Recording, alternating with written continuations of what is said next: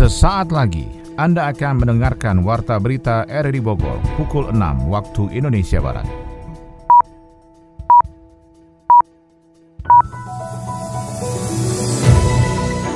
Selamat pagi, salam jumpa. Kami hadir kembali dalam Warta Berita edisi hari ini, Rabu 25 Mei 2022. Informasi ini juga turut disiarkan melalui audio streaming lewat RRI Play dan juga disiarkan lewat Radio Tegak Beriman Kabupaten Bogor, Jawa Barat dan Anda bisa akses di Spotify RRI Bogor.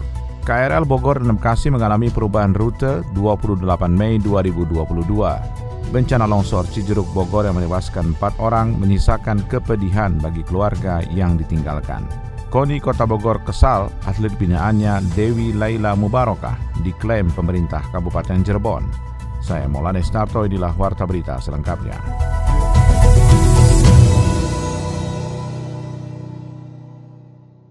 Pendengar, mulai 28 Mei 2022, kereta rel listrik KRL mengalami perubahan rute. KRL Bogor hanya melayani rute Bogor-Jakarta Kota dan kereta Bekasi yang tadinya melayani Jakarta Kota akan langsung menuju stasiun Tanah Abang, Senen hingga Jatinegara. Vice President Corporate Sekretari KAI Komuter Anne Purba mengatakan penyesuaian layanan itu dimaksudkan untuk perjalanan pengguna KRL tetap nyaman di tengah proses pengembangan dan pembangunan stasiun Manggarai. Menurutnya, perubahan pola operasi pelayanan di stasiun Manggarai dilakukan untuk menjaga keselamatan dan keamanan pengguna saat perpindahan peron untuk transit. Nantinya pengguna KRL tidak harus menyeberang jalur rel lagi dan bisa mengurangi aktivitas di passengers crossing yang berpotensi membahayakan nyawa penumpang saat menyeberang jalur rel.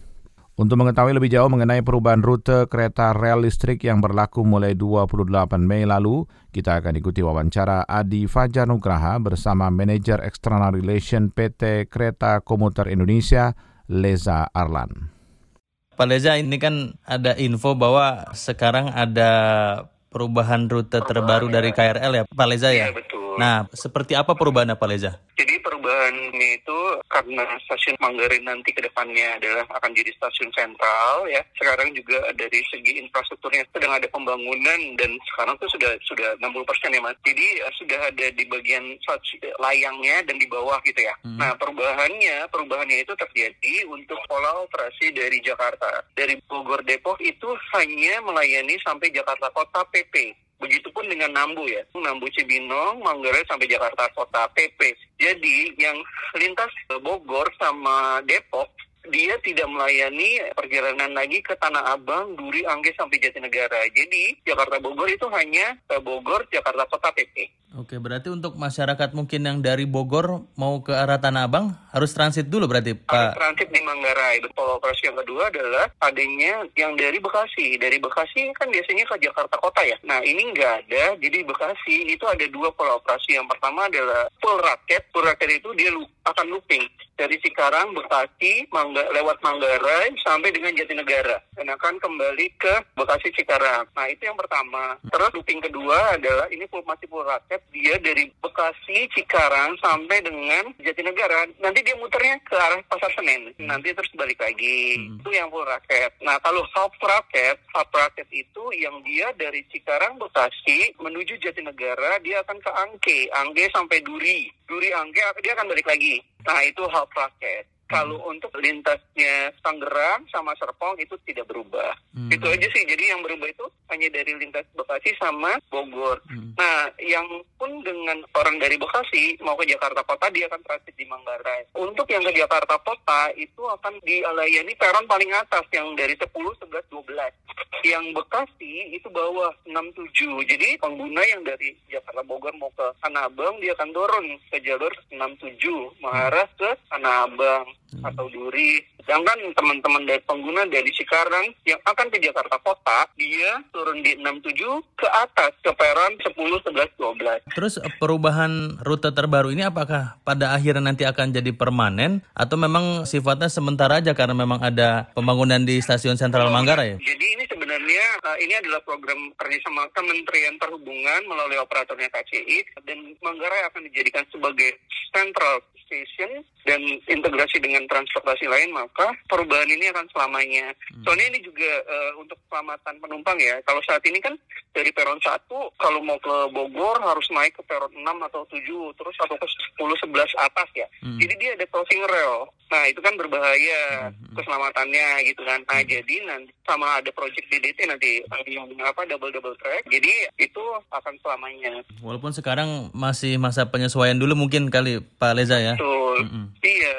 Oke. Terus kalau untuk uh, jadwal uh, apakah ada penyesuaian juga Pak Leza? Iya betul mas, jadwal akan ada penyesuaian sih. Hmm. Kalau dari frekuensi total perjalanan nanti ada seribu dari dulu kan 400, 500, 900 sampai nanti akan ada 1054 perjalanan. Oke, itu juga ikut dilakukan penyesuaian juga ya Pak ya? Iya betul. Nanti kan kalau misalnya sekarang tuh Bogor biasanya ada dua perjalanan ya, Bogor Jatinegara sama Bogor Kota nanti tuh nggak ada udah. Jadi total perjalanan untuk di Bogor itu nanti ada sekitar yang Jakarta Kota PP ya sama Nambu sekalian ya mas ya. hmm. itu ada di 406 frekuensi perjalanan kalau Bekasinya ada 246 kalau Tangerang sama Rangkas Bitung itu nggak berubah yang nambah itu di Tanjung Priuk jadi 76 itu lumayan banyak penyesuaiannya Pak Leza ya Tuh, soalnya kan nanti headway-nya juga akan berkurang headway hmm. untuk Bogor Jakarta itu kan rata-rata kan 5 menit 5 menit hmm. sekali sedangkan Bekasi yang memang karena dia muter looping ya dari biasanya 30 akan diperpendek sih jadi 7 menit, 9 menit sama 21 menit.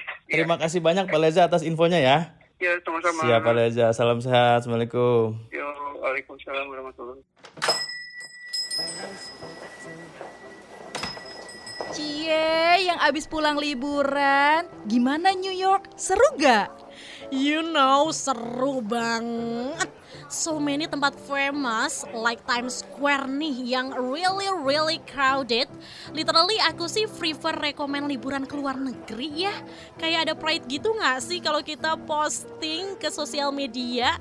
That's why foto aku tuh banyak yang like. Um, perhaps later kita bisa lah go ke sana.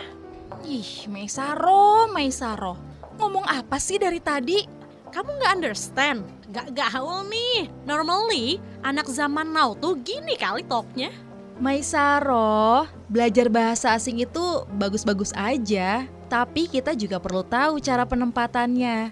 Dan yang paling penting sih, kita nggak lupa ya sama bahasa kita. Kamu inget kan ikrar Sumpah Pemuda poin ketiga? Menjunjung bahasa persatuan, bahasa Indonesia.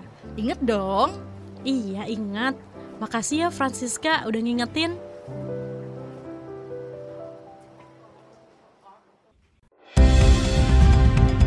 Anda tengah mendengarkan Warta Berita RRI Bogor. Pendengar, bencana longsor Cijeruk Bogor yang menewaskan empat orang dalam satu keluarga tentunya menyisakan kepedihan bagi keluarga yang ditinggalkan. Hal itu dirasakan Hilman dan Fitri, korban selamat yang harus kehilangan orang terkasihnya. Berikut kita ikuti ceritanya dalam liputan khusus Yofri Haryadi berikut ini.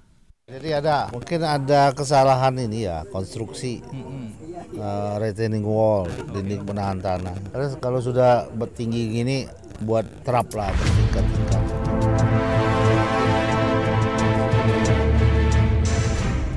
Jodoh, usia, dan rezeki ada di tangan Tuhan. Tidak satupun makhluk yang sanggup untuk memprediksi dan menentukan kapan dan di mana hal itu akan terjadi. Semua berpulang kembali kepada kehendak ilahi. Mungkin inilah cerita di balik peristiwa longsor di Kampung Pasir Pogor, RT 1 RW 4, Desa Cipelang, Kecamatan Cijeruk, Kabupaten Bogor yang mengakibatkan empat jiwa meninggal dunia. Sorot mata kosong dari Hilman, 32 tahun, salah seorang korban selamat dalam peristiwa tersebut yang kehilangan tiga perempuan yang dicintainya dalam waktu yang begitu singkat pada Sabtu 21 Mei 2022 sekitar pukul 17.30 sore. Ketiga perempuan itu adalah ibunya Uum 60 tahun, istrinya Mas Noneng Sumiati 27 tahun dan anak perempuannya Nafis 4 tahun dan ayah kandung Hilman sendiri almarhum Duduh 43 tahun. Saat itu Hilman baru saja pulang kerja, melihat air di teras rumah tergenang hingga 20 cm yang ternyata inilah malapetaka awal dari bencana yang mengakibatkan tiga bangunan rumah tertimpa turap penahan tebingan dari air bah di atas tebingan bangunan rumahnya. Tembok setinggi 7 meter dengan ketebalan 50 cm menghantam rumah keluarganya hingga 9 orang berada di rumah bersekat tertimbun longsor. Salah seorang yang masih selamat adalah Fitri, 32 tahun, istri almarhum Duduh, ayah Hilman. Kepada wartawan, Fitri yang sedang hamil 8 bulan kandungan itu pun menceritakan saat kejadian melihat air mengucur deras dari sela-sela tembok bangunan rumahnya yang berdempetan dengan sebuah turap penahan tebingan Villa 88. Bagaimana dirinya bertahan di bawah puing reruntuhan bangunan bersama tiga anaknya, yakni Adit 8 tahun, Akbar 9 tahun, dan Salma 5 tahun. Itu dari air di atas banyak air pak, hmm. jadi air solokan tuh di atas. Masuk. Masuk. Saya buat sebagian solokan, kayaknya nggak nggak kuat itu, bentengan itu nggak kuat. Sedangkan kan bentengan itu tinggi, saya lihat sendiri itu langsung bawa aja bentengan itu. Sedangkan di bawah itu keluarga saya semua. Berapa besar. orang pak itu? Di, di dalam rumah? Semuanya ada 8 yang empat alhamdulillah itu selamat yang empat lagi ini baru ketemu satu barusan yang tiga lagi belum ketemu. Namanya siapa itu pak yang udah ketemu? Yang udah ketemu Duduh kakak saya. Bapak. Pak saat itu kejadiannya lagi hujan besar? Hujan besar pak. Uh, terus? Saya betulin air itu kan mendung banget itu di atasnya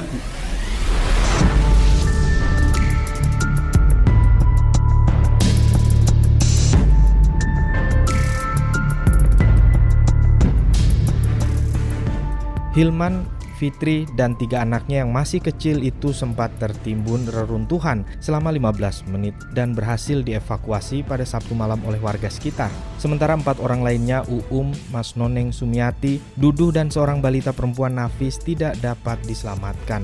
Jenazah terakhir yang berhasil dievakuasi adalah Neng Sumiati pada minggu siang dengan posisi telungkup tertimpa sepeda motor bersama timbunan batu dan kayu. Dengan kondisi perut yang hamil besar, setelah dua hari peristiwa kejadian, Fitri, istri dari almarhum Dudu, sudah mulai menerima kenyataan yang dihadapinya. Meski raut wajah pucat dengan mata kosong, Fitri juga menceritakan ulang peristiwa kelam yang menimpa suami dan mertuanya. Lamanya gitu. Bagaimana cara Teteh uh, menyelamatkan diri pada saat Lari ke dapur, ke dalam. Saudara pas lagi di dalam sama anak-anak semua. Lari ke dalam ke dapur gitu sampai pintu dapur udah berat.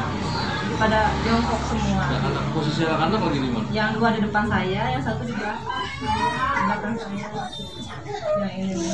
Rusak tersebut itu satu keluarga atau gimana? dua keluarga. Suami saya juga paling terakhir lari larinya.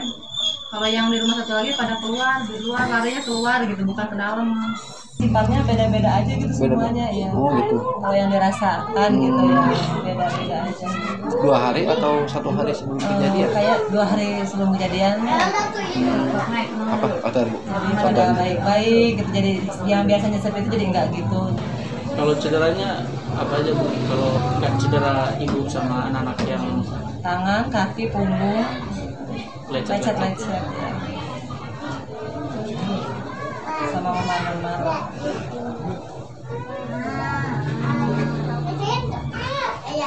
jadi awal berarti sebelum kejadian tuh Bu Neneng tuh ceria gitu ya? Hmm. pada ah, biasa aja pada lemas itu. Saya juga sakit gigi ini anak sakit kaki yang ini. Ya. oh sebelum itu ya? Ah, sebelum kejadian tuh anak ini nggak nggak mau makan gitu. Disuapin saya juga mau makan dari pagi sampai sore gitu. Nungguin ayahnya pulang ya gak mau makan gitu aja ayahnya nggak apa-apa ya Oh, ini enggak korban ayahnya. Bapak duduk. Bapak duduk. Kan baru datang kerja. Ya juga mau lari cuma keburu ke ini. Kalau usia berapa ya? Ibu? Tiga empat. Dengan nenek apa bu? Hah? Mertua, ibu mertua. Ibu mertua. Iya saya merantau ke sini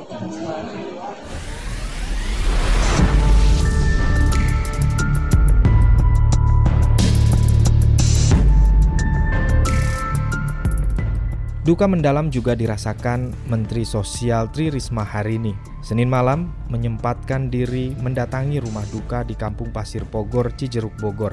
Menteri Sosial dan jajarannya yang didampingi oleh SKPD Kabupaten Bogor dan camat setempat memberikan dukungan moral dan material kepada Fitri yang akan melahirkan. Dengan penuh empati, Menteri Sosial Risma meminta dukungan kepada camat dan dinas sosial untuk membantu proses persalinannya nanti.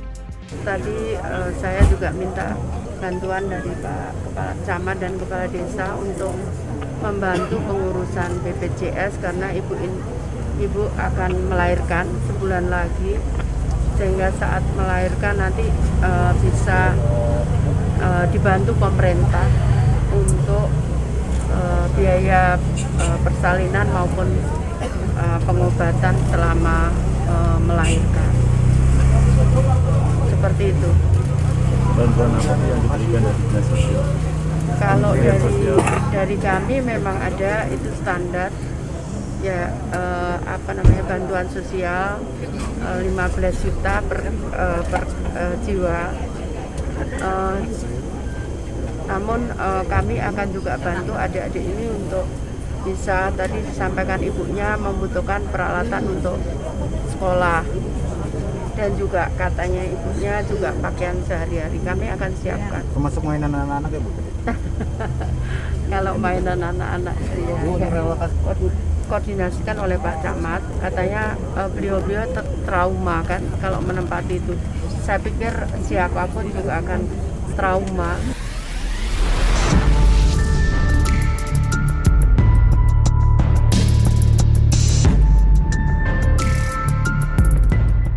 Dalam kunjungan ke rumah duka, Menteri Sosial Tri Risma hari ini membawakan mainan anak-anak, termasuk akan mengirim bantuan psikolog untuk mengurangi trauma kepada anak-anak yang selamat dari bencana.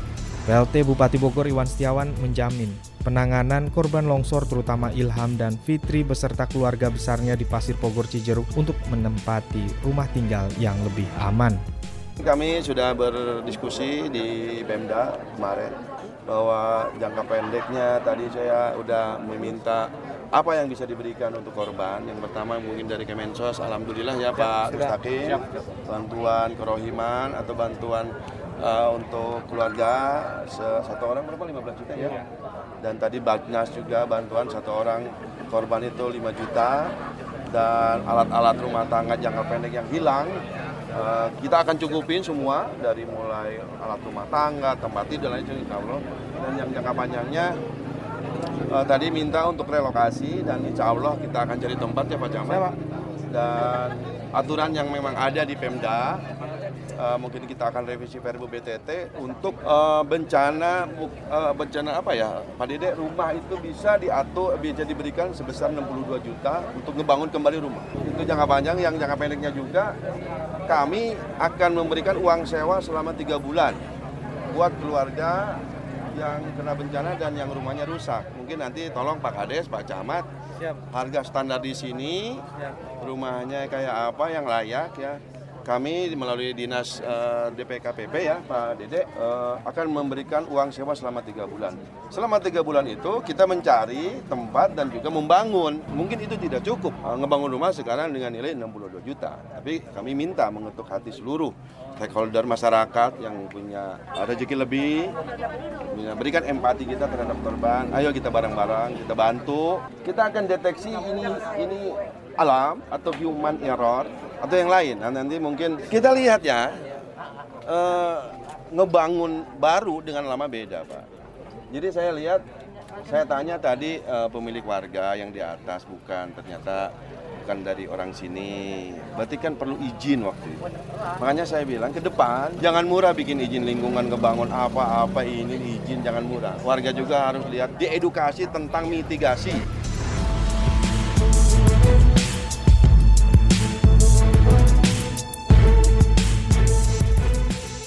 Melihat skala bencananya sangat kecil, namun memakan empat korban jiwa meninggal dunia, menjadi catatan merah dalam penanganan mitigasi bencana alam Kabupaten Bogor. Bangunan rumah bersekat yang merupakan satu keluarga besar dengan luas lahan sekitar 200 meter persegi juga menjadi catatan tersendiri dalam mengawasi konstruksi bangunan sekalipun untuk rumah tinggal. terlebih berada di kontur daerah berbukit dengan kemiringan yang curam seperti di Cijeruk Bogor. Peristiwa itu pun masih berlanjut. PPNS dan kepolisian masih mendalami penyebab dibalik terjadinya longsor di Pasir Bogor, Desa Cipelang, Kecamatan Cijeruk Bogor. Apakah bangunan Villa 88 milik warga DKI Jakarta penyebab dari peristiwa naas yang menimpa keluarga Dudu dan Uung.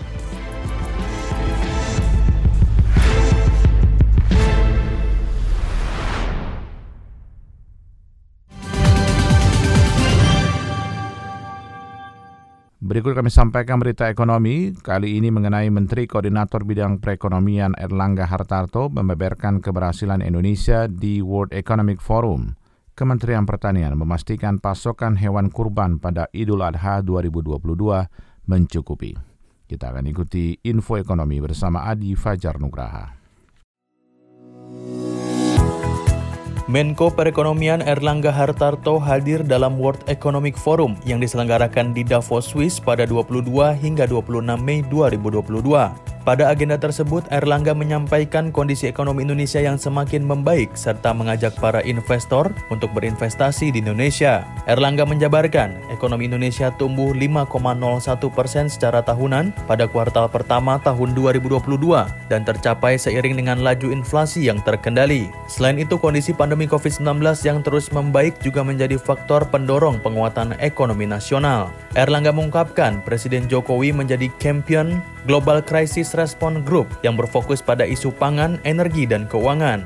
Hal ini disebutnya menjadikan Indonesia juga turut berperan penting dalam mengatasi tantangan besar yang saling terkait dalam ketahanan pangan, energi, dan keuangan global akibat konflik perang Rusia dan Ukraina. Terkait dengan transformasi ekonomi berbasis digital, ia menerangkan digitalisasi di Indonesia telah meningkat tajam selama pandemi. Perkembangan ekonomi digital di Indonesia pada tahun 2021 dapat terlihat dari transaksi komersial yang mencapai lebih dari 27 miliar US dollar dan dengan lebih dari 2.300 startup startup. Hal itu menempatkan Indonesia sebagai negara kelima di dunia dengan jumlah startup terbanyak. Erlangga menyebut Indonesia memiliki 370 juta pengguna koneksi seluler dan 204 juta pengguna internet atau 74% persen dari total populasi.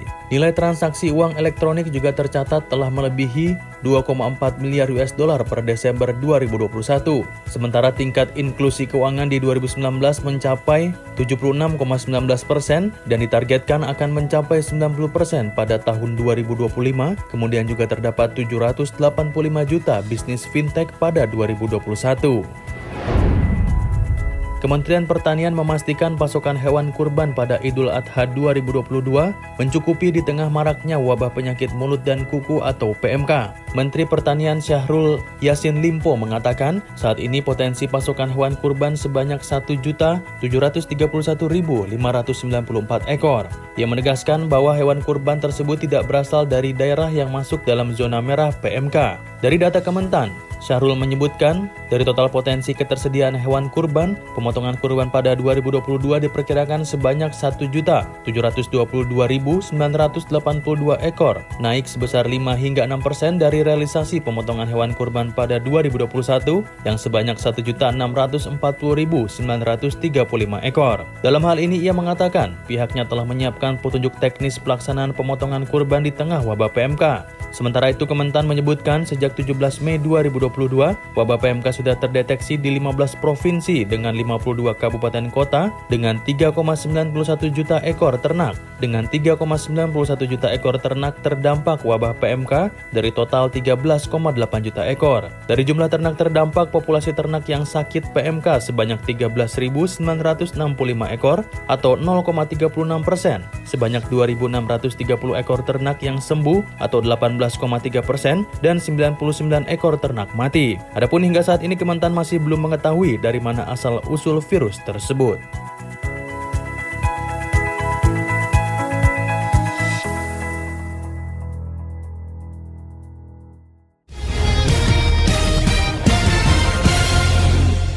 KONI Kota Bogor kesal atlet binaaannya Dewi Laila Mubarokah diklaim pemerintah Kabupaten Cirebon. Skuad U19 Kecamatan Cilengsi optimis bisa mengukir prestasi lebih baik pada perhelatan Piala Bupati Bogor 2022. Berikut infonya bersama Ermelinda.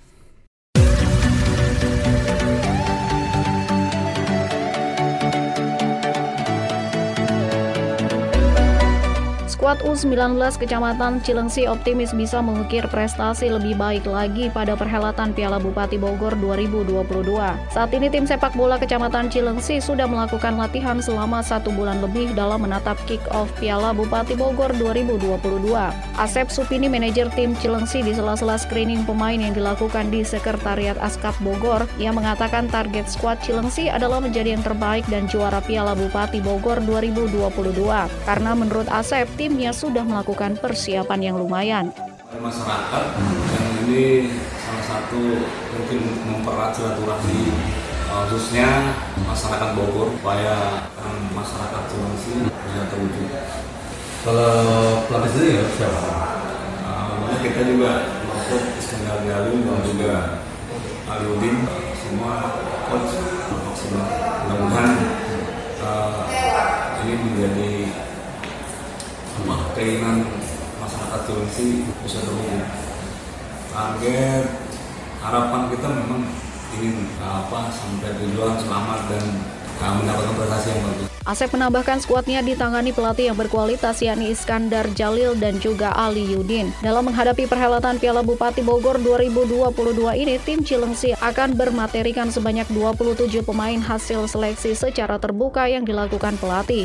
Cilengsi berada pada grup B pada perhelatan Piala Bupati Bogor 2022 bersama Cariu, Tanjung Sari, dan Jonggol. Persiapan juga terus dilakukan tim sepak bola Kecamatan Sukaraja menjelang perhelatan Piala Bupati Bogor 3 Juni mendatang. Program latihan yang sudah berlangsung beberapa pekan kemudian diaplikasikan melalui pertandingan uji coba. Tim sepak bola Kecamatan Sukaraja pun sendiri sudah melakoni dua laga uji coba. Pertama menahan imbang Kecamatan Citrep 1-1 dan berguru kontra skuad Liga 1 Persikabo 1973. Manajer tim sepak bola Kecamatan Sukaraja Ujang Supriyadi mengatakan saat ini skuadnya sedang fokus untuk melakoni laga uji coba. Pertama kita adalah seleksi dari masing-masing desa. Kebetulan Sukaraja ada 13 desa. Hari ini dan besok insya Allah kita sudah mendapatkan para pemain yang menjadi andalan kita. Insya Allah target yang utama adalah buat kita Sukaraja juara. tahun kemarin kan kita juara dua, hari ini insya Allah tahun yang akan sekarang insya Allah kita juara satu. Ujang Supriyadi bangga karena skuadnya mendapat pelajaran berharga setelah bertarung melawan Persikabo 1973 akhir pekan kemarin. Kemenangan atlet menembak Dewi Laila Mubarokah yang sempat berkontak via telepon dengan Bupati Cirebon H. Imron berbuntut panjang. Koni Kota Bogor merasa Dewi Laila Mubarokah diklaim pemerintah Kabupaten Cirebon. Padahal atlet menembak tersebut justru diminat di Kota Bogor. Ketua Koni Kota Bogor Beninu Argobi mengatakan kepada seluruh daerah bila tidak bisa melakukan pembinaan dengan baik dan atletnya berprestasi di tempat lain tidak perlu mengaku-ngaku. Dewi Laila kemarin meraih medali emas, daerah lamanya itu Kabupaten Cirebon juga mengaku-ngaku sebagai pembina dari atlet Dewi Laila. Kalau nggak salah sampai bupatinya sempat telepon. Nah Hmm. inilah yang saya mau sampaikan supaya juga masyarakat bisa dengar dan juga terutama pemerintah daerah. Jangan sampai pada saat pembinaan itu pura-pura tidak tahu, tetapi kalau pada saat meraih prestasi di tingkat internasional semua mengakui bahwa pernah membina. Ini hal-hal yang sangat tidak baik untuk olahraga. Dan kenapa Dewi Laila pilih Kota Bogor? Karena di Kota Bogor komitmen dari pemerintah daerah dan KONI-nya tegas dalam pembinaan olahraga. Tidak ada atlet yang kita tinggalkan, semua atlet dijaga, diantarkan sampai ke posisi tertinggi. Jadi ini saya rasa hal yang sangat memalukan lah dilakukan Hmm. oleh Kabupaten Cirebon. Pada saat sudah menang baru saja berlomba-lomba untuk mendapatkan momen bersama sang juara. Ini hal yang sangat tidak fair. Potensi Dewi Laila Mubarokah sudah terlihat dan bisa didorong sampai level internasional. Menurut Beninu, perpindahan atlet sah saja terjadi. KONI Kota Bogor lantas merekrut Dewi dan melakukan pembinaan sehingga prestasinya terus meningkat. Apalagi Sambung Band Kota Bogor saat ini fokus dalam pembinaan atlet. Ia pun menyadari Dewi adalah atlet yang berasal dari Cirebon, tetapi pembinaan juga dilakukan Kota Bogor.